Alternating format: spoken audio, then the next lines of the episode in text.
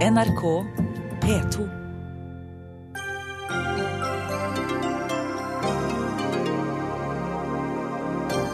Politiet forblir bevæpnet også de neste to månedene. Kan øke faren for tap av liv, mener Advokatforeningen. Meslinger er på vei tilbake i flere land. Også her hjemme velger flere å droppe vaksinen. Folkehelseinstituttet advarer, men vil ikke påby vaksinen. Journalist Francesca Borri ble igjen i Syria da alle andre dro hjem. Vi er for redde for IS, mener hun. Nå har de uføre fått egen landsorganisasjon, og det første de gjør er å hevde at regjeringen bommer grovt om hvor mange som får mindre uføretrygd. Og EØS-tilhengerne forlater Nei til EU. Med oss forsvinner den brede alliansen mot norsk EU-medlemskap, sier frafallen.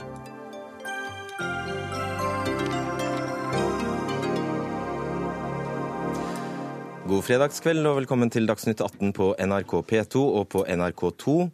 Fram til vi må vike for storslalåm, sånn ca. kvart på sju. Jeg heter Fredrik Solvang. Justisdepartementet har i dag forlenget den midlertidige bevæpningen av politiet. Nå vil politiet være bevæpnet i hvert fall fram til 12. april. Samtidig er våpeninstruksen endret. Politidirektoratet kan, etter samtykke fra departementet, altså Justisdepartementet, beslutte at politi kan bære våpen inntil tre måneder. Og Anders Werp, du er stortingsrepresentant for Høyre og medlem av justiskomiteen. La oss ta denne endringen i instruksen først. Innebærer den mer makt til politiet? Det er en klargjøring eh, av en praksis vi nå har sett, og som er en nødvendig praksis. Fordi trusselbildet er endret i forhold til det man kunne nesten forese når våpeninstruksen i sin tid ble utarbeidet. Vi har gått inn i nye trusselsituasjoner. Og må, den, den, negative samfunnsutviklingen må en, den type instruks ta høyde for. Og det er en klargjøring, vil jeg si, av, av dette forholdet. Jeg vil ikke si det, for jeg skjønner ikke Blir det mer makt til politiet eller ikke? Ja, det, det er en klargjøring av forholdet mellom Politidirektoratet og Justisdepartementet. Blir det mer makt til politiet eller ikke? Ja, det er en, Etter beslutning og godkjenning i eh, departementet så kan Politidirektoratet Eh, eh, åpne for en eh, bevæpning i en gitt situasjon, når man ut fra politifaglige vurderinger ber om å få bevæpne seg for en periode. Men det som er klart, er at det gir adgang til, midlertid, til, altså til midlertidighet over lengre tid av gangen. Det er en klargjøring av den praksisen vi har sett siden i november, da vi fikk dette, hvor den gjeldende, eller den daværende instruksen, vil, vil jeg påstå, ikke var klar nok. Ok. Hadia Tajik, leder av justiskomiteen for Arbeiderpartiet. Gir dette mer makt til politiet? Jeg oppfatter ikke at den gjør det. Eh, altså, det har jo hele tiden vært eh, adgang til midlertidig bevæpning av eh, politiet når trusselsituasjonen måtte kreve det. Men det man jo nå har gjort, er at man har presisert i hvor lange perioder av gangen. Og så går det selvfølgelig an å diskutere om det er rimelig at det skal være tre måneder, to måneder av gangen, eller om det burde vært kortere. Men det jeg er opptatt av, er at når det først er en sånn situasjon, at det krever en midlertidig bevæpning, at det i hvert fall er oppe til vurdering både faglig og politisk politisk med jevne mellomrom, og at det ikke bare sklir over til å bli en eh, alminnelig generell bevæpning. Men foreløpig tommel opp fra dere? Altså, Tommel opp er ikke et begrep jeg vil bruke når det er snakk om en trusselsituasjon eller, eller behov for midlertidig bevæpning. Og det er ikke sikkert at uh, instruksen ville sett helt sånn ut hvis det var Arbeiderpartiet som lagde den. Men jeg ser ikke noen grunn til å begynne å ja, kverulere på detaljer i den. Altså Prinsippene står vi for. Altså, det kan være behov for midlertidig bevæpning, eh, og da skal, da skal det være klare prosedyrer for hvordan man går fram. Tommel opp er ikke et spesielt juridisk eh, begrep, Merete Smith. Du er generalsekretær i Advokatforeningen, men du er kritisk til eh, dette? Ja, Advokatforeningen er kritisk til dette. Eh, vi mener at det er et problem at politiet på, nærmest på egen hånd, selv om det er samtykke fra departementet, kan gi tillatelse til generell bevæpning av politiet, selv om det er midlertidig. Og da sier du, altså Siden Werp hadde problemer med å svare på det, hva er ditt svar på spørsmålet om dette gir mer makt til politiet? Ja, Før var det jo uklart hvilken kompetanse de hadde, og nå har de helt sikkert fått det. Det gir dem mer makt, og de kan gjøre det for lengre perioder. Ja, så mitt svar på det er at de får mer makt. Og hva er galt med det? Eh, problemet er at eh, altså, Først vil jeg si at Sikkerhet for politiet er veldig viktig, men vi tror jo ikke at generell bevæpning eh, av politiet er svaret. Vi er redd for at dette tvert imot gjør det mer risikofylt for politiet.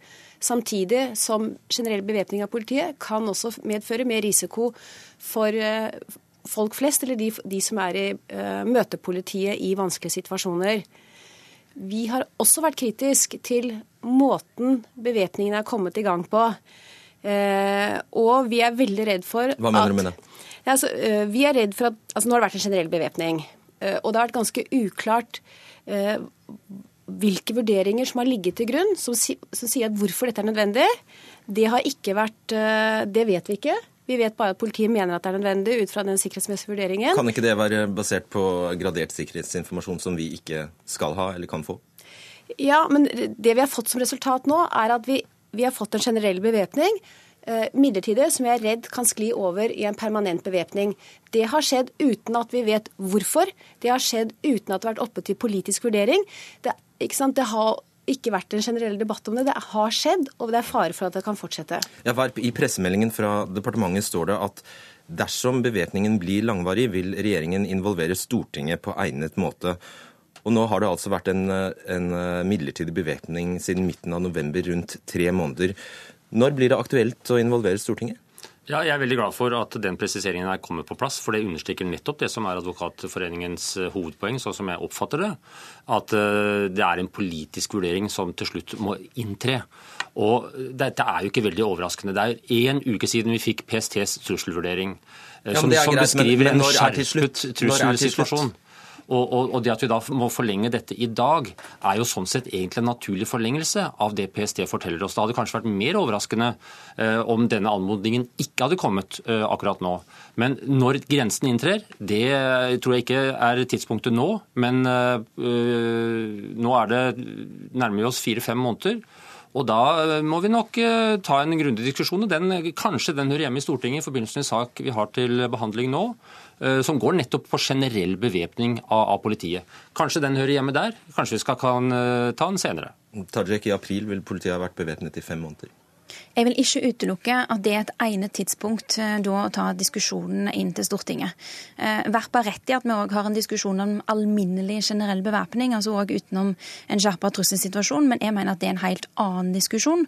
Eh, dette her knytter seg jo til det man jo tegner som et konkret trusselbilde, og da må man jo òg diskutere det helt konkret. Så jeg mener jo at når man når et visst punkt, så er ikke dette lenger en debatt som bare tilligger direktoratet eller Justisdepartementet. Da tilligger det våre folkevalgte å ta beslutninger om hvordan vi vil at Norge skal se ut. Du rister på hodet, Smith. Ja, Det er jo ikke sånn det fungerer. Eh, fordi at eh, det er jo når vi innførte midlertidig bevæpning over en viss tid. Det var jo det som var det store skillet. Og så tror jeg kan vi plutselig ha vent oss til det, og så går tiden. Og så blir det pussig å ha en diskusjon om skal politiet bevæpnes når de har vært bevæpnet i lang tid. Det, er, det, blir jo ikke den samme reelle diskusjonen. Det som skjedde, var at de innførte en bevæpning av politiet. Det var ingen utredning. Eh, til grunnlag for det, og vi vet ikke hva slags trusselsituasjon det er. Og Nå fikk vi en ny trusselvurdering av PST helt nylig, som jo ikke sier noe om at eh, det er blitt noe mindre skummelt eller mindre farlig. Men nå hører vi jo hver bruker den som begrunnelse. Ja, og, og, det som jeg er redd for er at eh, med situasjonen vi har ute i verden, så vil ikke dette forandre seg noe særlig. Og hva skal da politiet plutselig bruke som begrunnelse for å ikke lenger ha bevæpnet politi? Så det jeg er veldig redd for har skjedd, er at uten noen form for debatt i samfunnet, uten noen form for grundige vurderinger, så har vi faktisk fått et bevæpnet politi. Det er ikke bra for demokratiet. Jeg stiller samme spørsmål til dere begge først, eh, Tajik. Det er vel et poeng at eh, det blir vanskeligere og vanskeligere å få gjennomslag for en grundig utredning for hver dag som går med faktisk bevæpning? Ja, Merete Smith har et uh, veldig viktig poeng her. og Jeg uh, håper at regjeringen hører og lytter til de kritiske spørsmålene som hun her reiser. Og Jeg mener jo at det er rimelig å kreve av uh, justisministeren at han sier noe om hvilke risikoreduserende tiltak er det han har iverksatt for å redusere behovet for generell bevæpning. For det har jo både han og politidirektøren sagt at man vil iverksette. Altså, Hva betyr det egentlig? Ja, Det må jo bety at man vil iverksette en del andre tiltak som gjør det tryggere og redusere behovet for at politiet skal ha eh, våpen på hofta. Eh, det, men de må jo sjøl svare på hvilke tiltak det er, om de har iverksatt de, hvordan dette går. Vi har jo sett at det har vært vektige politifaglige stemmer som har eh, tatt til motmæle mot denne midlertidige generelle bevæpningen, bl.a. politimestere. Og vi har sett terrorforskere stille spørsmål ved om generell bevæpning i det hele tatt er et svar på den terroraksjonsformen som vi har sett i Europa. Jeg syns jeg hører du er litt for og litt mot. Altså, jeg er, jeg er mot at at generell bevæpning skal innføres i Norge, altså som en alminnelighet. Det, der vil jeg være helt klar og tydelig, og det er Arbeiderpartiets standpunkt. Man har fremskutt lagring av våpen i bil. Det betyr at det er veldig enkelt for politiet i dag å bevæpne seg. Men jeg syns det er eh, samtidig viktig at er det en skjerpa trusselsituasjon, så skal det være en sikkerhetsventil for politiet at de midlertidig kan bevæpne seg men jeg er mot at det skal skli over i en alminnelig bevæpning. Mm. Verp, disse, disse risikoreduserende virkemidlene, har du dem i ermet? Det, dette er politifaglige vurderinger, og jeg sitter ikke på mer informasjon enn enhver annen stortingsrepresentant. Dette er eh, helt sikkert gradert eh, informasjon som ligger til grunn, og, og, jeg mistenker på ingen måte politiet for å ha en egen agenda her. Vi vet at ledelsen i politiet, i Politidirektoratet, i politidistriktene er imot generell bevæpning. Store deler Vi vet at Politiets Fellesforbund er for? Ja, men vi vet at ledelsen, de som uh, tross alt behandler denne saken og denne type spørsmål nå, de er veldig skeptiske skeptisk og motstandere av generell bevæpning. Så jeg har full tillit til at det her legges til faglige vurderinger til grunn som skal ivareta samfunnets sikkerhet. Og, og så inntrer det punktet. Det er ikke definert nå, men det inntrer et punkt hvor dette skal og må opp i Stortinget. Det mener jeg også er klargjørende i den instruksen som nå er vedtatt, og det er et veldig viktig og godt uh, bare, signal. Bare veldig kort til det Tajik svarte på. Er du også bekymret for at dess mer, eh, dess mer tid det går, og dess mer eh, lenger man har bevæpning, faktisk bevæpning, dess vanskeligere blir det å gjennomføre en grundig vurdering av nødvendigheten? Ja, det ser jeg helt klart at det kan være en effekt. Dette er resultat også av det generelle trusselbildet. Det må vi legge inn som en faktor, og det sitter politiet på den beste informasjonen om. Merete Smith, kanskje dette er en tapt kamp? Eh, det håper jeg virkelig ikke. Eh, og vi skal huske på at altså, det, er syv politifolk som er blitt skutt og drept siden krigen. Tre av de var bevæpnet. Og vi stiller spørsmål ved er det bevæpning som er svaret på et, trygg, et trygghet for politiet. Og Samtidig vet vi fra våre naboland at der hvor det er bevæpning, så, så, medfører politiaksjoner oftere død eller skade i våre naboland enn det gjør i Norge. Det er mange hensyn som er viktige. Hensyn til politiet er viktig, men også hensyn til publikum som møter politiet. Eh, Hvordan kan du da være så skråsikker på at dette gjør oss tryggere? Altså ikke-bevæpning gjør oss tryggere enn bevæpning? Vårt hovedpoeng er at vi mener at dette bør utredes. Og jeg har også lyttet til to professorer fra Politihøgskolen som begge sier at de ikke mener at en bevæpning av politiet gjør oss tryggere. Disse kan det virkelig. Politilederne har stilt spørsmål ved det samme. Og jeg mener i hvert fall at de tallene vi ser fra våre naboland, tyder på at det ikke gjør oss tryggere. Helt til slutt, Tajik. Forskning viser vel dette at uh, blir politiet bevæpnet, så kan sannsynligheten uh, øke for at de avfyrer skudd? Ja, det gjør det. Og jeg vil eh, raskt òg respondere på det som Verp sier om at dette er politifaglige vurderinger. Nei. Hvordan Norge skal se ut, er ikke bare et politifaglig spørsmål. Det er et spørsmål som folkevalgte må ta stilling til. Og det, det handler om hvorvidt man skal tillate generell bevæpning over lengre tid. Punkt nummer to. Det er ikke sånn at alle politifaglige argumenter trekker i retning av generell bevæpning. Politimestere har vært kritiske òg til den midlertidige bevæpningen. Tydelige, sterke stemmer eh, som har både politifaglig og, og terrorfaglig kompetanse har eh, vært kritiske til at man eh, tror at generell bevæpning er det som vil føre til mer trygghet. Og når jeg har spurt justisministeren helt konkret, var det sånn da den eh, generelle bevæpningen ble innført første gang, at anbefalingene fra Politidirektoratet var entydige? Svaret hans var nei. Det var sprikende faglige anbefalinger. Du skal få svare lynkjapt på det. Ja, når det, Vi snakker om den midlertidige bevæpningen her, ikke den generelle bevæpningsdebatten. Og i denne midlertidige bevæpningen så er det politifaglige vurderinger som er lagt til grunn. Det har politidirektøren vært veldig tydelig på, og det ble bekreftet av PST-sjefen i forrige uke. Men før eller siden skal dere politikere også uttale dere. Takk til dere, Anders Werp, Hadia Tajik og Merete Smith. Dagsnytt 18 alle hverdager kl 18.00 på NRK P2 og NRK2.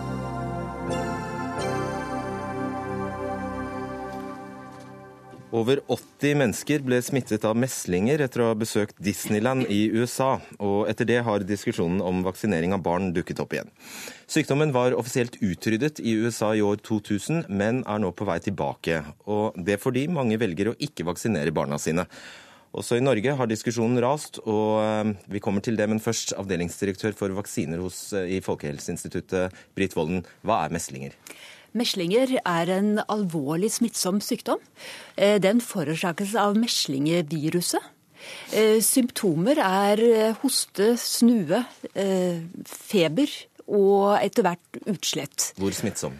Den er veldig smittsom. Den er den aller mest smittsomme barnesykdommen. Vi kan si som et eksempel at i en uvaksinert befolkning så vil ett tilfelle smitte fra 15 til 17 andre. Og da er det sånn, er du ikke vaksinert, så kan du bli smittet? Ja. Trebarnsmor og skuespiller Sølje Bergman, eh, til tross for at én person altså med, med, med, meslinger kan eh, smitte mellom 15 og 17 andre, som vi hører her, så har du valgt å ikke vaksinere barna dine? Det har jeg. Jeg kan jo legge til at eh, et uvaksinert barn som smitter etter 17 barn, det kan også være vaksinerte barn. Og vaksinerte voksne hvor immuniteten er redusert pga. at for hvert år etter man har tatt en vaksine, så vil immuniteten reduseres med en viss prosenttall. Men du sånn får ikke, ikke meslinger hvis du er vaksinert? Nei, det er det ingen garanti for. Den meslingvaksinedekningen er 95% 99 et eller annet. Jeg har lyst til å fra, fra, vår side, eh, de fakta vi vet, er at meslingvaksinen gir veldig god beskyttelse. Eh, sånn at vi anbefaler to doser ved 15 måneder og 11 år. Og da er man beskyttet gjennom livet. Mm. Berman, jeg vil gjerne at du forklarer dette, fordi det kan virke veldig rart. Ja da, jeg får jo så øra flagrer om dagen, så jeg skjønner at det kan virke veldig rart. Men for, jeg syns det er bare litt synd at debatten er litt unyansert, for for meg er det et helhetlig spørsmål. Ja, det er ikke bare Du får nyansere den, da. Jeg skal prøve å nyansere litt kort også, selvfølgelig. Eh, um, for det, hvis, du, um, hvis du ekskluderer og bare ser på vaksinen som sådan, så vet jeg at vitenskapen og at det du sier, det, det bunner i noe veldig solid. Absolutt. Og det er ikke det at jeg er så forferdelig redd for vaksinen i seg selv, men jeg er redd for det kvantum av vaksiner og medisinering som nå på en måte har påberopt seg en sannhet at det funker best. Så vi sakte, men sikkert i, i mitt bilde går over til en mer kjemikalisert verden, hvor på en måte vi har full tillit hele tiden at medisin og den farmasøytiske og legemiddelindustrien har liksom det endelige svaret, mens jeg prøver å gå litt, kanskje litt bakover og se på oss mennesker også som natur, og hvor mye vi faktisk tåler. Og det innebærer selvfølgelig for forutsetninger som god hygiene, ja, som å leve i Norge med og et godt kosthold og bli godt tatt vare på i andre sykdomsperioder, som helt vanlige forkjølelser eller andre barnesykdommer som vannkopper eller noe annet, at vi tar hensyn til og ikke er så redde for det å bli syke. For jeg tror dette bunner litt i en skremselspropaganda. Det finnes, eh, Meslinger er absolutt en sykdom som kan være alvorlig for noen barn. Jeg selv hatt meslinger, og vi hadde et kjempeutbrudd eh, når jeg var 15 år på skolen. Vi var sikkert 50-100 elever som ble syke. Det gikk bra med alle, men vi alle lå langflata, så var skikkelig syke. Men jeg tror da at en grunn til at f.eks. jeg tålte det, er at jeg har vært gjennom mange sykdomsforløp og hadde hatt veldig god, eh, godt kosthold f.eks. Og det syns jeg også man skal legge til eh, til grunn for disse sykdommene, at det er viktig med det grunnleggende i et menneskes liv. Og det handler eh, om mye mer enn bare den enkelte vaksine som, som gjør at jeg tar det valget jeg tar, da, og mm. ikke vaksinere. Britt Folden, har hun et poeng? Jeg syns ikke det. Og spesielt Ikke til eneste et? Nei, altså selvfølgelig så må hun ha, få lov å ha sine meninger. Og eh, vaksinering i Norge er frivillig. Eh, fra Folkehelseinstituttets synspunkt så er vår jobb å bygge tillit til vaksinene, så flest mulig vaksinerer seg. Hva er det du hører her, syns du? Ja, jeg, jeg, hører jo altså Silje Bergman tror på noe annet enn det jeg gjør. Hun tror ikke på vitenskapen. Det, det er klart det... Jo, jeg tror på vitenskapen, men jeg syns det er veldig viktig med en sunn skepsis til vitenskapen. For mennesket er ikke bare vitenskap, vi er også natur. Og det må vi ta med i helhetsbildet. Ja. Men, men, når det gjelder meslingevaksiner, så, så, skjønner jeg ikke eh, din redsel for kjemikaliseringen. For meslingevaksine det er en levende svekket vaksine. Det er ikke noe kjemikalier. Den, den hjelper Det er slagstoffer. Jeg snakket med en annen lege som er på ditt parti for øret, som sa at det er slagstoffer, kyllingfostre, som gjør for å samle vaksinen. Men poenget er at jeg er mindre redd for sykdommen enn for et eventuelt utfall av eh, cocktailene vi driver med av generell medisinering, og innunder det faller også vaksinene og barnevaksineprogrammet. Og Det er det jeg mener at vi ikke er nok nyansert på. Fordi at det er så viktig at vi tør å stille og være upopulær som jeg er i dag, da, og jeg har vært i et par døgn nå, og stille spørsmål ved det. fordi det som skjer nå, er at det blir så frykt, fryktbasert debatt at jeg er den eneste som tør å sitte og snakke om det. Og jeg gjør det med et smil, for jeg ønsker at vi skal være fruktbare, da. Men da er det veldig viktig å se på historien. Før vi innførte veslingevaksinasjon i 1969, så hadde 99% av den norske befolkningen meslinger. Fordi det er en så smittsom sykdom. Og den har alvorlige komplikasjoner for mange, også for friske. Og man kan ikke forutsi det på forhånd. Hvor farlig er det hvis alle gjør som Bergman? Det er veldig farlig. Altså, vi, vi, trenger rett og slett en vaksinasjonsdekning på oppimot 95% for å holde sykdommen i sjakk. Hvis vaksinasjonsdekningen går ned mot 90% så får vi meslingutbrudd. Og hvordan skal vi da beskytte spedbarn, de som er for ja. små til å få vaksine? Da, da, er det en ting jeg lurer på. Mm -hmm. Når dette er så viktig, mm -hmm. og du faktisk har mulighet for å gjøre det obligatorisk, hvorfor gjør du det ikke? Nei, det er et viktig prinsipp at det skal være frivillig. Altså, Vi skal bygge opp tillit til befolkningen, slik at alle velger å vaksinere seg. Så du må stille i debatt i Dagsnytt 18 i stedet for Ja, det gjør jeg gjerne. Eh, for, for det er så viktig. Og for, for eh, tvang det er et galt prinsipp. Og, og, vi tror ikke at vi vil oppnå eh, høyere vaksinasjonsdekning med det. Okay. Ja, nei, jeg bare tenkte Nordmenn er veldig tilhengere av det som er gratis også. og Jeg skal love deg at hvis meslingvaksinen hadde kostet noen kroner, Altså, Jeg tror ikke det skal mer til enn det. Så ville ikke jeg blitt stilt så for hugget som det jeg er i, i dag. fordi at da er det mange som ikke ville gjort det fordi det koster penger. Men fordi det er gratis, så støtter de seg bak det. Og det er litt enkelt å si at det er et enkelt argument, men det ligger noe i det. er at Når det er en flokkmentalitet, så er vi faktisk i bunn og grunn så usikre at vi velger å følge den flokken, og ikke tør å stå opp for eh, en, et selvstendig valg. Ja, To ting. Du erkjenner at du har ingen forskning i ryggen. Du har ingen vitenskap i ryggen. Jeg har ikke eh, vitenskap angående hva, om det er farligere å ikke ta enn å ta vaksinen. Eh, nei, det, jo, det, vises jo i resultater. I, i Norge f.eks. Så, eh, så, så vil ikke dødstallene være de samme som f.eks. et u-land. Der stiller det seg helt annerledes. Men er det da verdt å være så standhaftig når barn faktisk kan dø? Ja, du nå selvfølgelig stiller du indirekte veldig opp mot veggen. Ja, det er viktig å være så standhaftig fordi at jeg mener ikke at dette handler om å tape eller vinne diskusjon. Det er ikke sånn at jeg håper at alle slutter å ta vaksiner i morgen. Jeg ønsker bare å sette søkelyset på alt det vi eh, uten egentlig å tenke så nøye gjennom lar oss eh, overbevise om, fordi det er en majoritet som forteller det, som står med vitenskapen ja, men så sier Volden at det er faktisk farlig, hvis flere begynner å tenke som deg. Ja, det kan du si indirekte at det er farlig, men er, eh, da er igjen debatten så unyansert at hvis vi skal begynne å ta tak i ting som er farlig fordi at en majoritet sier det, så er vi ute på ganske dypt vann. For det er veldig mange andre ting vi i samfunnet i dag ikke tar hensyn til, som er langt farligere for barn enn å ta eller ikke ta meslingevaksinen. meslingvaksinen. Men jeg tenker at når vi har en vaksine, når vi har et legemiddel som kan fjerne den faren, så er det nok andre farer. Hvorfor i all verden skal vi også tillate at, at barn blir syke unødvendig og kan få alvorlige komplikasjoner. Altså Hvis vi hadde hatt én vaksine i dette landet, på barnevaksineprogram som var meslinger, så hadde det kanskje vært litt annerledes. Og det er det jeg prøver å si hele tiden, at det er et helhetssyn. Og jeg har gitt mine barn vaksiner. Jeg har gitt de to vaksiner, stivkrampe og polio, etter samråd fra en lege. Eh, og jeg tenker også som sådan at eh, mine barn er ikke vaksinert, men når de blir større, kommer jeg til å fortelle dem om det. Og hvis de vil ta den selv, så vær så god, det skal de få lov til. Da skal ikke jeg stoppe dem. Da må jeg si takk til dere, Sølvi Bergman og Britt Volden. Tusen takk.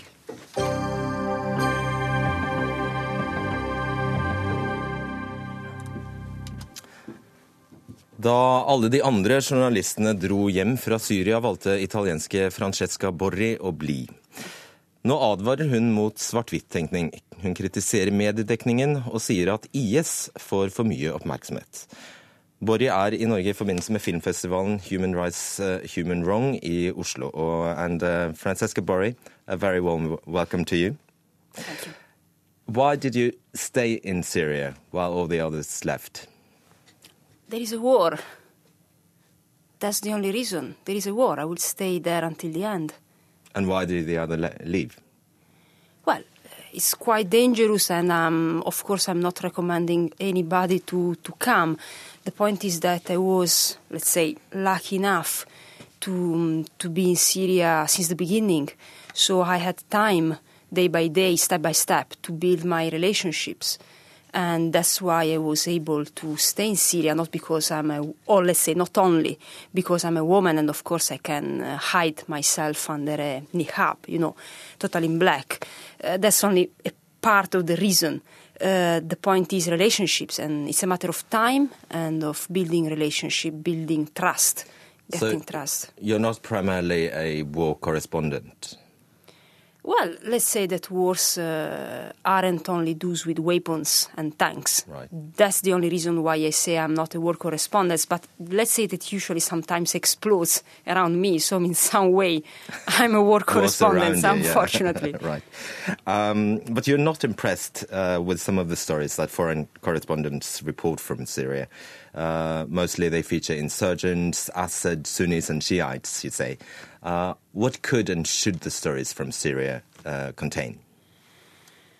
Well, let's say let's say the truth. Now, I mean, um, I I returned to Syria at the beginning of December after I published a book, so I was busy with the book tour. At the beginning of December, I had to realize, uh, yes, now in some way I'm covering another war, a different war. And usually now I say I cover Syria and Iraq. Uh, from Oslo, I will fly to Iraq, not uh, not to Turkey now.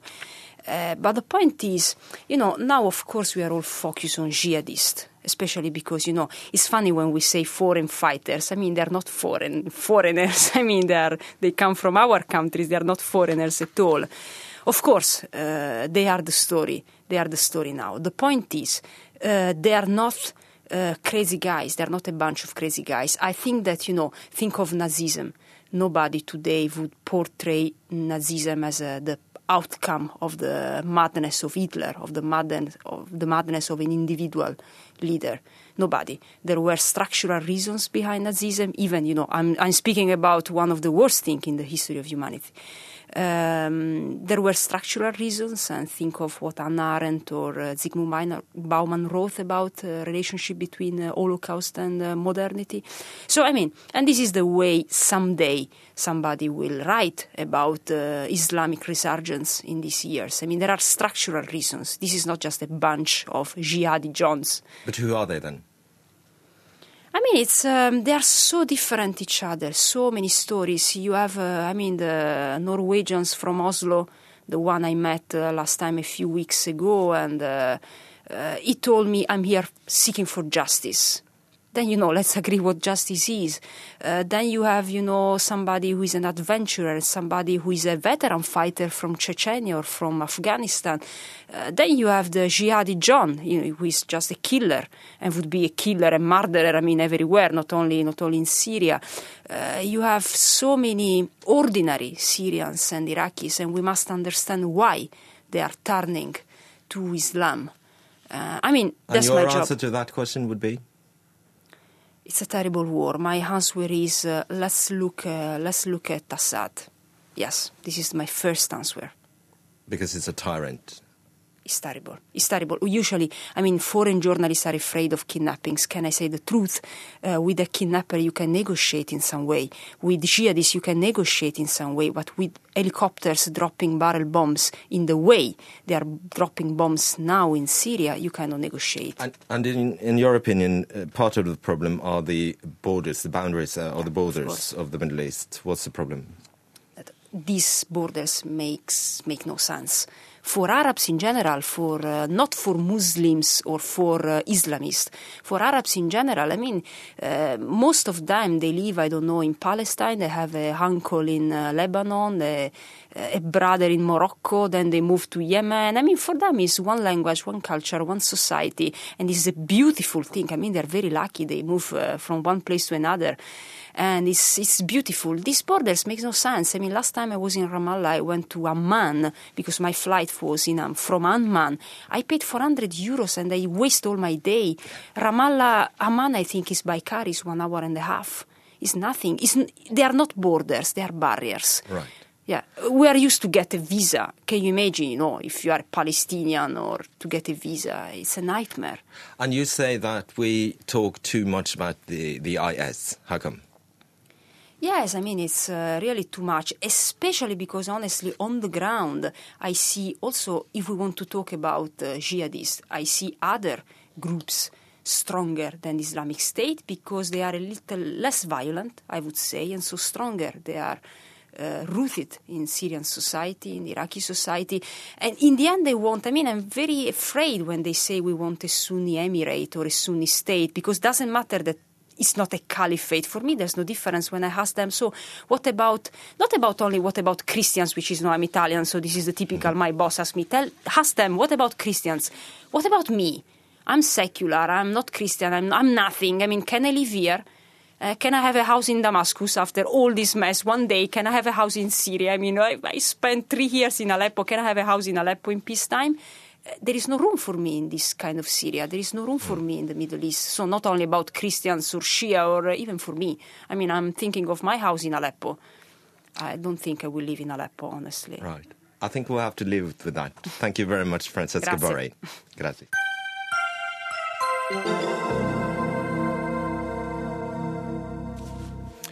Uførereformen fører enda flere ut i fattigdom. Ja, Det hevder den nystartede organisasjonen som skal tale de uføres sak, Uføres landsorganisasjon. 1.1 i år trådte uførereformen i kraft, noe som bl.a. innebærer at uførepensjonen er blitt erstattet av en uføretrygd. Den blir skattlagt på samme måte som vanlig arbeidsinntekt, og uføretrygden er blitt økt til en gjeld med 15% for å kompensere for det økte skattetrykket. Laila Sandbekk, du er leder i Uføres landsorganisasjon. Eh, Hva slags organisasjon er dere? Ja, Vi er en organisasjon som uh, har starta, som er for uføre, da. Uh, alle uføre kan jo være med, men også friske. Hvem som helst kan jo bli uføre. Hvor mange medlemmer har du? For øyeblikket så har vi jo flest medlemmer på Facebook. Der er vi nå oppe i nesten 2000. Men vi starta bare for noen få uker siden. Og ble registrert i Brønnøysund for tre uker siden. Og har begynt å få inn eh, meldinger da som ble registrert inn. Hva vil dere? Eh, Vi ønsker jo å samle uføre, fordi at holdningen mot uføre har jo blitt veldig uheldig i samfunnet. Vi blir sett på som eh, late unnasluntrere som ikke gidder å jobbe. Eh, Det er jo ikke sånn det er at vi hadde så veldig lyst til å bli uføre, da. Så det, og det å kjempe for at eh, vi skal ha rett til et verdig liv på lik linje med andre som er friske, da. Men det finnes jo allerede utallige organisasjoner for personer som er uføre av en eller annen eh, grunn. Hvorfor er det behov for dere? Ja, Vi er jo mer en organisasjon som går direkte i forhold til uføretrygd. Andre organisasjoner som fins, er jo mer som er direkte mot sykdommer, sånn som eh, ja, Fibromyalgiforbundet, revmatisme. Eh, FFO. eh, FFO, ja, som jo er en eh, paraplyorganisasjon. Eh, og vi er ikke retta mot diagnoser, vi er mer retta mot eh, våre felles rettigheter til å, å ha et liv, ha et sted å bo. eh, sånne normale, basiske ting. Mm. Og I bunnen her ligger altså en ganske sterk skepsis mot denne nye uførereformen og de utallige utslagene, negative utslagene av den dere mener eh, vil komme. Og Dagsavisen skriver i dag, eh, der er du intervjuet, skriver i dag at svært mange uføre har fått dårligere råd etter eh, at reformen trådte i kraft ved nyttår. Hvor mange er det snakk om? Ja, Ut fra hva vi ser, altså, så, ser det ut som det kan være opp mot 60-70% som får mindre i måneden å leve for nå. Hvor mye da? Eh, hoveddelen kan ligge på mellom 700 og 2000 kroner mindre i måneden, men det er, det er vanskelig å si, fordi at man har så mange tilleggsting. altså sånn som eh, SFO, eh, bidragsordninger, eh, barnehage, sånne som blir beregna av brutto inntekt, det vil nå øke. Så det er mm, veldig vanskelig å si om det kanskje øker opp over 2000 kroner. Mm. Men hvor tar du dette 60-70 fra? Ja, vi har hatt en eh, liten undersøkelse i, i vår gruppe som tyder i den retning, da. Der kan det jo se ut som det er 90% men vi går jo litt ned fordi at vi ikke dekker så stort område ennå. Men vi har også sett kommentarer som har pågått lenge, som begynte i høst. Vi har vært med i andre grupper tidligere også. hvor vi ser da at det er utrolig mange som går ned i inntekt hver måned. Mm. Så er det altså slik at Nav sier det er snakk om to av ti, altså om lag 62 000 som har fått eh, dårligere økonomi, og ikke 60-70% Stefan Heggelund, du er stortingsrepresentant for eh, Høyre. Hvem sine tall skal vi stole på her? Jeg syns jo man skal stole på de opplevelsene folk sier at de har. Og hvis folk eh, nå har fått lavere utbetaling, så de, er, sier de jo det fordi de har fått lavere utbetaling. Eh, men jeg kan begynne med å si at jeg syns det gjør veldig inntrykk å lese den saken i Dagsavisen i dag. Der er det bl.a. intervju med en eh, dame som nå frykter pga. uførereformen at hun er nødt til å flytte ut i telt. Og La meg bare gjøre én ting klart. Det er ingen i Norge som skal måtte behøve å bo i et telt.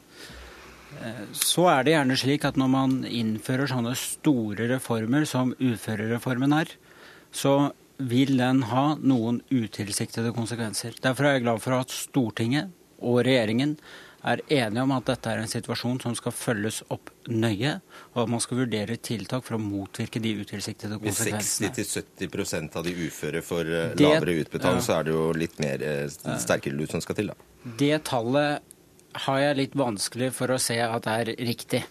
Eh, faktum er at i forbindelse med uførereformen så sa den borgerlige regjeringen, nå som den skulle implementeres dette året. Den ble jo vedtatt enstemmig etter forslag fra de rød-grønne i 2011, men ble implementert nå. Så sa jo vi at vi skulle innføre en overgangsordning for den gruppen uføre som eh, ville tape penger på ordningen. Og det er riktig som du sier at åtte av ti ville komme omtrent likt eller bedre ut med uførereformen. Eh, vi ser jo at 20 000 færre har behov for den overgangsordningen enn det man i utgangspunktet hadde antatt.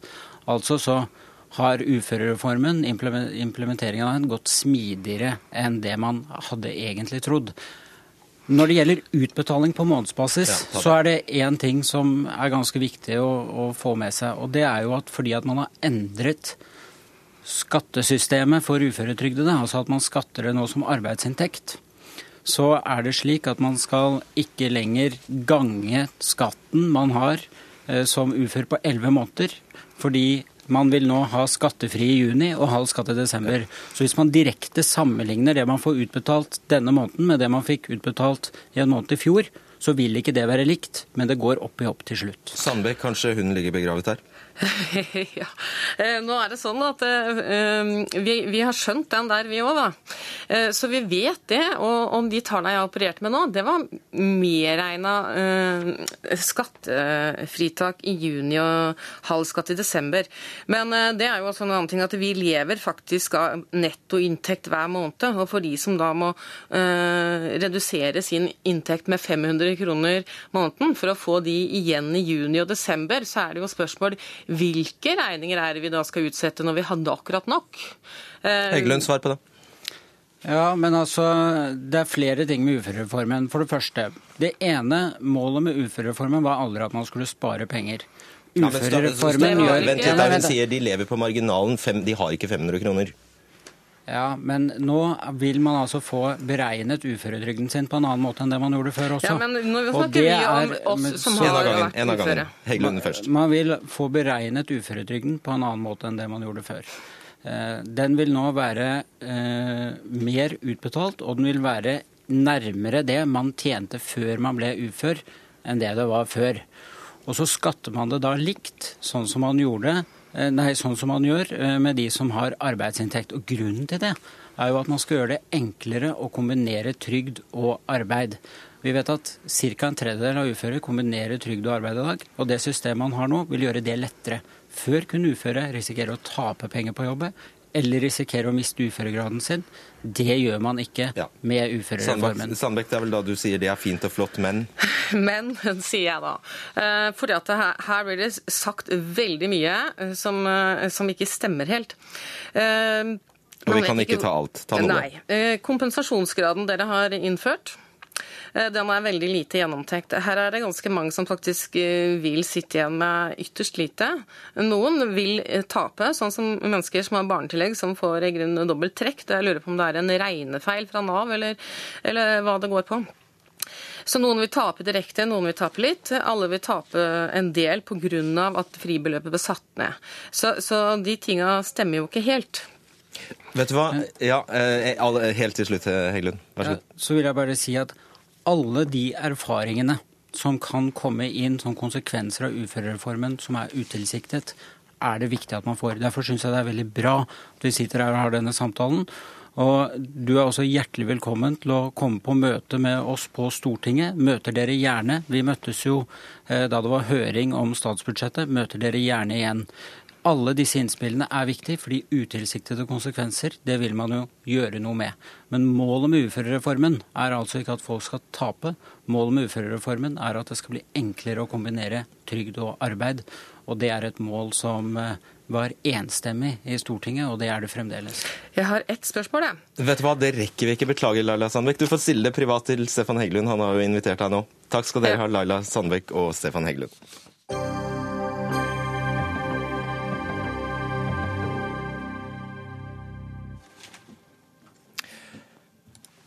Uformelle samtaler, press, personangrep og et nikk Alt dette var ingredienser i dagens høring om det nye sykehuset på Nordmøre.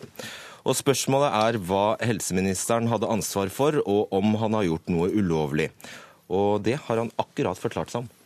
Jeg kan selvfølgelig si til en styreleder hva som er, hva som er mitt, eh, min vurdering av en eh, sak, men det, klokskapen av å si det er veldig avhengig av på hvilket stadie saken er til behandling. Men det handler om klokskapen av det. Det handler ikke om at det vil få forbudt av statsråden. Men så er det helt entydig i loven, og i den opplæringen som eh, våre styremedlemmer får, at eh, den type signaler kan en velge å følge eller ikke velge å følge.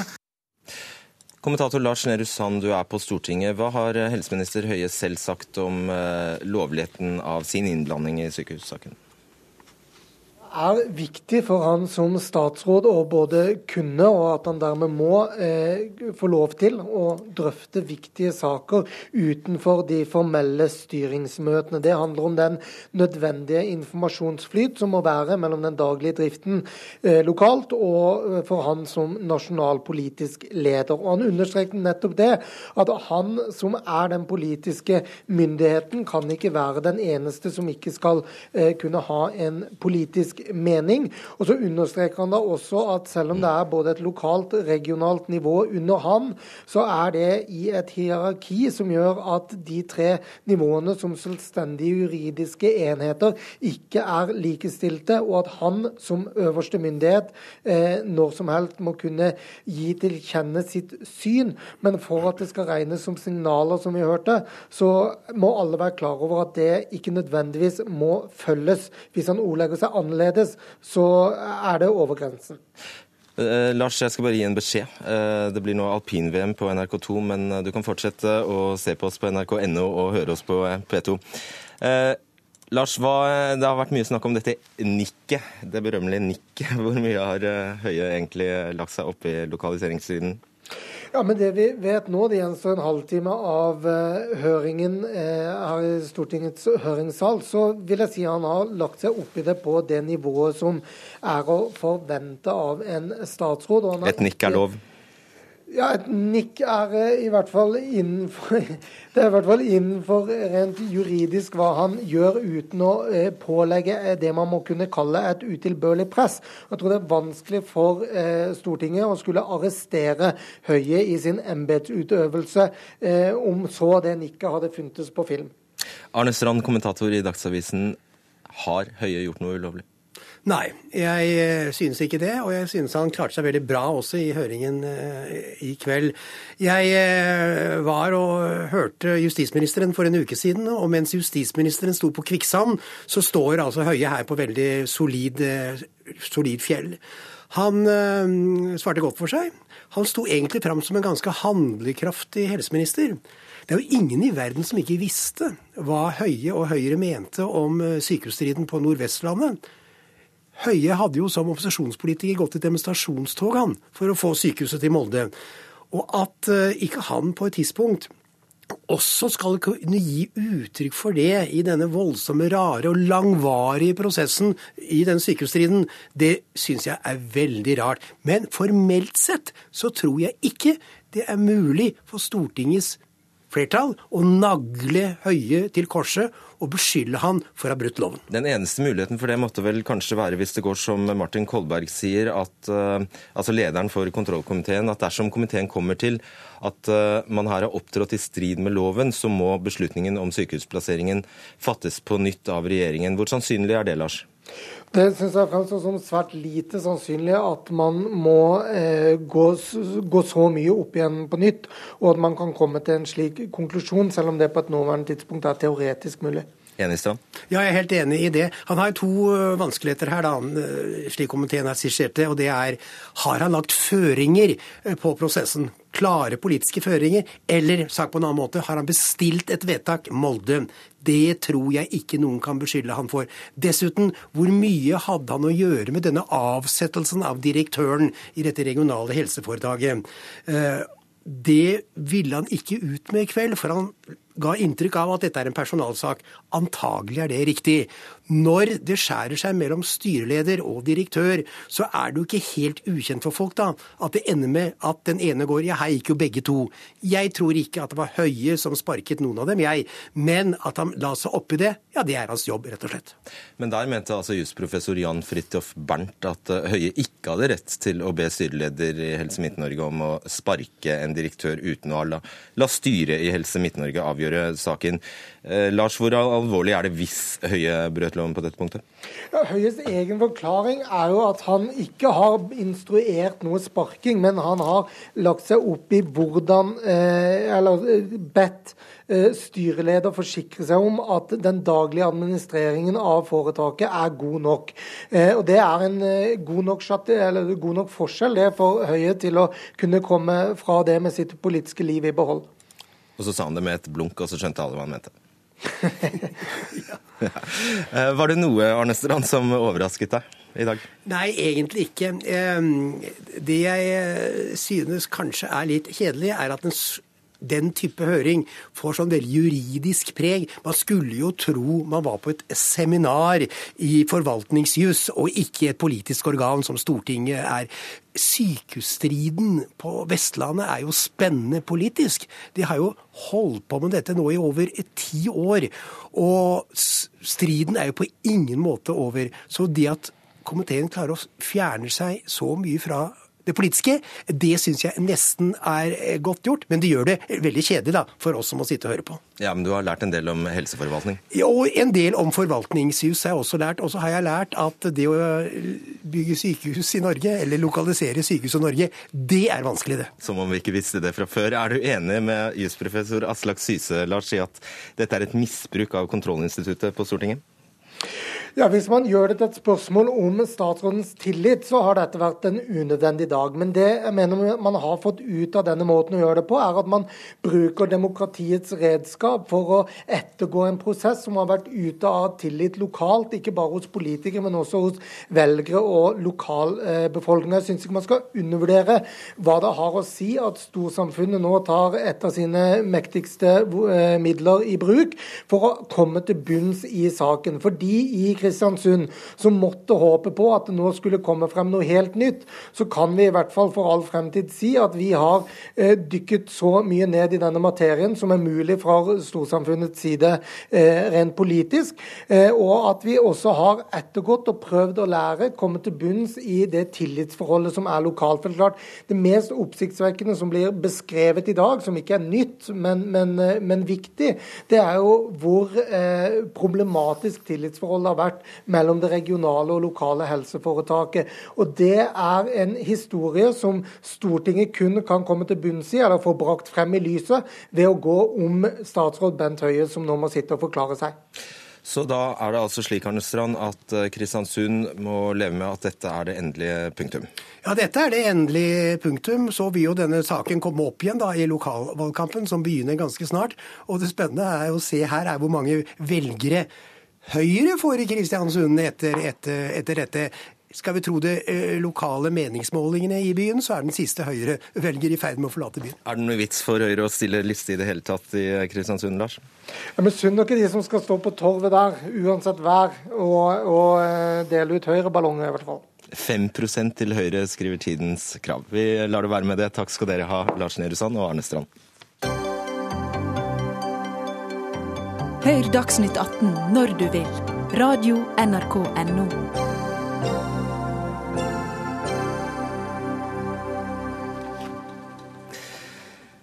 Det er ikke plass til oss som er EØS-tilhengere lenger i en organisasjon som Nei til EU. Det mener du, Mona Høvseth, som denne uka meldte deg ut i protest mot EØS-strategien til organisasjonen. For Nei til EU skal reise landet rundt for å promotere sitt alternativ til EØS, en ny handelsavtale. Og Mona Høvseth, du er kommunikasjonssjef i Kristelig Folkeparti, men du er her da som utmeldt eh, Nei til EU-medlem. Flere hater. Det er bra. Hvorfor vil du ikke være med og støtte alternativet til EØS? Nei, altså, Nei til EU er jo en tverrpolitisk organisasjon. Eh, og jeg mener jo at noe av suksessfaktoren til å holde Norge utenfor EU har vært at vi har hatt en bred allianse. Jeg eh, levde ikke i 72, men både i 72 og i 94 så var det jo veldig jevnt mellom ja- og nei-siden. Eh, men nettopp det at vi klarte å holde en bred allianse på tvers av partier, var helt eh, avgjørende. Og i 94 så var det jo EØS-avtalen som kanskje var det som gjorde at Norge ikke havnet i EU. EØS eh, e har vært, Nei til EØS har vært en del av Nei til EU hele tiden. Men det er ikke noe som har vært høyt oppe. Det har ligget der. Men nå kan man jo lure på da, om det er fordi eh, folkeflertallet er så stort mot EU-medlemskap eh, e at man har blitt rammet av en eh, hybris og tenker at nå er det EØS-avtalen som står for tur. Leder i Nei til EU, Katrine Kleveland. Eh, du ser vel det at dere blir en gjeng SV-ere og senterpartister igjen?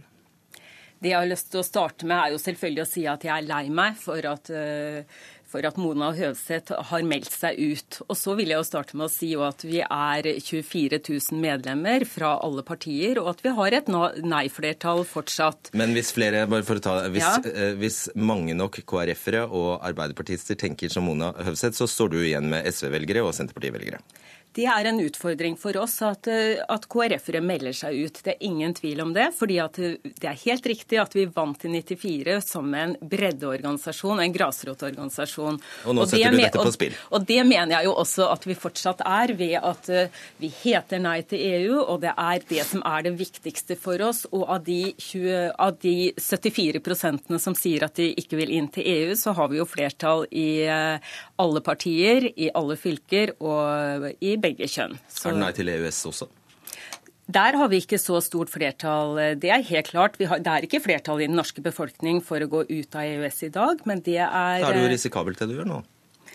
Det vi gjør, er å følge et, eh, et, vedtak som er i organisasjonen Nei til EU. Så har vi flertallsvedtak for å gå ut av EØS og et flertallsvedtak for folkeavstemning. Så dermed så, så er det klart at vi ønsker nå da, med det nye alternativet vårt, å å sette debatten. Og det er jo derfor vi inviterer KrF og vi inviterer de andre til debatt for å si at det fins alternativer til, eh, til, EU. For jeg vil jo også spørre Mona Høvseth om hun syns at EØS er det samme i dag som det det var da, da den, vi fikk EØS-avtalen i 93-94. For altså, den har jo utvikla seg veldig. Det har den, og det er jo både en av fordelene og ulempene ved EØS-avtalen, nemlig at den er dynamisk. Men EØS-avtalen har gitt oss tilgang til noe av det beste ved EU eh, og gjort at vi har sluppet unna noe av det mest negative. Vi har en rekke områder som er viktige for Norge, der vi ikke er en del av det europeiske eh, unionen, eh, nemlig med både landbruk, ved fiskeri, noen eh, områder på energifeltet. Slipper, ja, det, så det er, det er, flere områder som vi står utenfor. Eh, men vi har fri tilgang til det indre markedet, eh, og det har vært utrolig viktig også for norsk næringsliv. Så jeg mener jo at EØS-avtalen har tjent Norge godt. Da I 94 så var det jo mange som mente at dette var bakveien inn i EU, at det kom til å ta et par år, så var vi inne i EU. Men nå sitter vi her 20 år seinere og ser at skiftende regjeringer, det være seg det har vært Senterpartiet som har vært en del av regjeringen, KrF. Det har vært eh, partier som har vært nei til EØS, som har sittet i ulike regjeringer. Så har man sett at EØS er en av bærebjelkene i alle de regjeringene. Men EØS har da gitt oss gjennom disse 20 åra, så har vi da før jul så passerte vi 10 000 regler og direktiv som vi har valgt å godta. Kun én gang har vi gjort det som Gro Harlem Brundtland solgte den inn med, at reservasjonsretten var, kun, eh, var til for å brukes. Den har vi kun benytta én gang med postdirektiv arbeidslivet som nå er oppe igjen. Jeg vil jo si at eh, arbeidslivet skulle ikke bli en del av EØS-avtalen. Det vi er bekymra for i dag, det er jo et arbeidsliv med fri flyt, hvor vi er bekymra for sosial dumping. Vi har kabotasje, som er en utfordring i transportbransjen. Alkoholpolitikken har jeg jo lyst til å utfordre også på her og si at eh, uten eh, at vi fikk jo, vi fikk jo importforbudet der som ble fjerna, og vi fikk rusbrus oss, i butikk. Ja, la, oss bare, før, altså, la, oss, la, oss, snakke om det, det som er alternativet deres. Ja, en frihandelsavtale. Ja. Veldig kort, hva er det for noe? Vi, det som er naturlig, den, De naturligste handelsavtalene i dag de er tosidige handelsavtaler. og Vi ønsker oss en avtale med EU som er mellom EU og Norge. det er EØS-avtalen som er, som er den, en mer spesiell konstruksjon. og Da sammenligner vi, eller vi ser på en av de nyeste avtalene som EU har, er en avtale med Sør-Korea. Vi ser også på avtaleverket som Sveits har. Dette handler om at vi ønsker oss en handelsavtale som er regulert. Og vi vil jo heller ikke, hvis vi sier opp en EØS-avtale, stå uten avtale. For da vil avtalen vår, frihandelsavtalen fra 1973, gjelde med tollfri handel av industrivarer. Men det er jo en forunderlig ting at nei, EU ønsker å gå tilbake til en avtale på 70-tallet. Eh, det har skjedd mye med internasjonal handel siden 70-tallet. Jeg sier ikke vi vil gå tilbake, men jeg sier at eh, vi står ikke uten avtale hvis vi sier opp EØS-avtalen, for da har vi den. Men vi ønsker oss en fornya avtale, og vi ser at eh, vi er EUs femte største handelspartner. De vil være interessert i en avtale med oss fortsatt, og vi ser at de har avtale når det gjelder tjenester med andre land. De tjener på handel med tjenester ja, med Norge. Katrine Kleveland, Kleveland, tror du det er flertall i folket for å si opp EØS-avtalen? Dag er det ikke flertall i folket. Og det er jo derfor at Nei til EU som organisasjon nå ønsker å få opp diskusjonen om det. Jeg er bekymra når noen melder seg ut fra en organisasjon som vår, fordi vi trenger bredden. Men jeg inviterer jo da KrF-ere og andre til å bli med, på, bli med på diskusjonen. Og derfor så har jeg jo et av de nye heftene som vi har, som vi har gitt ut nå, som bunner i ulike rapporter om hva som er alternativet. Og da vil jeg gi Mona Høvseth en av dem, så hun kan lese og Takk, sette seg inn i det. har jeg jo lest eh, og sett på. Men jeg mener nok dessverre at det Nei til EU oppnår ved den, denne kampanjen, er å smalne organisasjonen. Eh, og det mest effektive er rett og slett at dere splitter breifronten. Men Mona Hødseth, du har jo litt tungt for det, fordi du gikk ut av rådet i Nei til EU i 2012, da landsmøtet vedtok ja til handelsavtale ut av EØS som satsingsområde. Men først nå melder du deg altså ut av Nei til EU. Du har ventet eh, tre år. Jeg er jo en grunnleggende optimist. Eh, og jeg hadde et håp om at da det ble en ny leder i Nei til EU, så kunne vi se at det ble en ny retning. Jeg er jo glad for eh, Kleveland her som er fra Senterpartiet, og håper at sentrum kan få en større tyngde i organisasjonen, og at du kan få med en bredde. Og jeg håper at du nå vil se på representasjonen, slik at det blir rett og slett mer representativt for den brede nei-alliansen.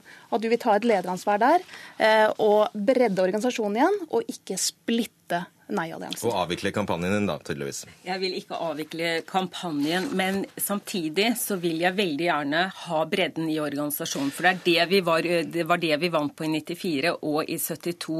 Og vi har, valgkomiteen vår har vært opptatt av å få inn både KrF og venstrefolk og andre som da er skeptiske til EØS-avtalen, inn i vårt arbeid. Og det har jeg med meg i styre og råd, og det er viktig for meg, og det vil jeg fortsette å jobbe for. Jeg har jo sittet også i valgkomiteen i Nei til EU. Eh, og eh, Kleveland, jeg beklager å si det, men det har tidvis vært vanskelig å finne KrF-ere som er motivert til eh, å delta i organisasjonsarbeidet i Nei til EU. Og en del av den grunnen er nei til EØS. Og det må bli punktum for denne Dagsnytt 18-sendingen. Ansvarlig for den var Ida Tune Øritsland, teknisk ansvarlig Marianne Myrhol, og i studio Fredrik Solvang. Hør flere podkaster på nrk.no podkast.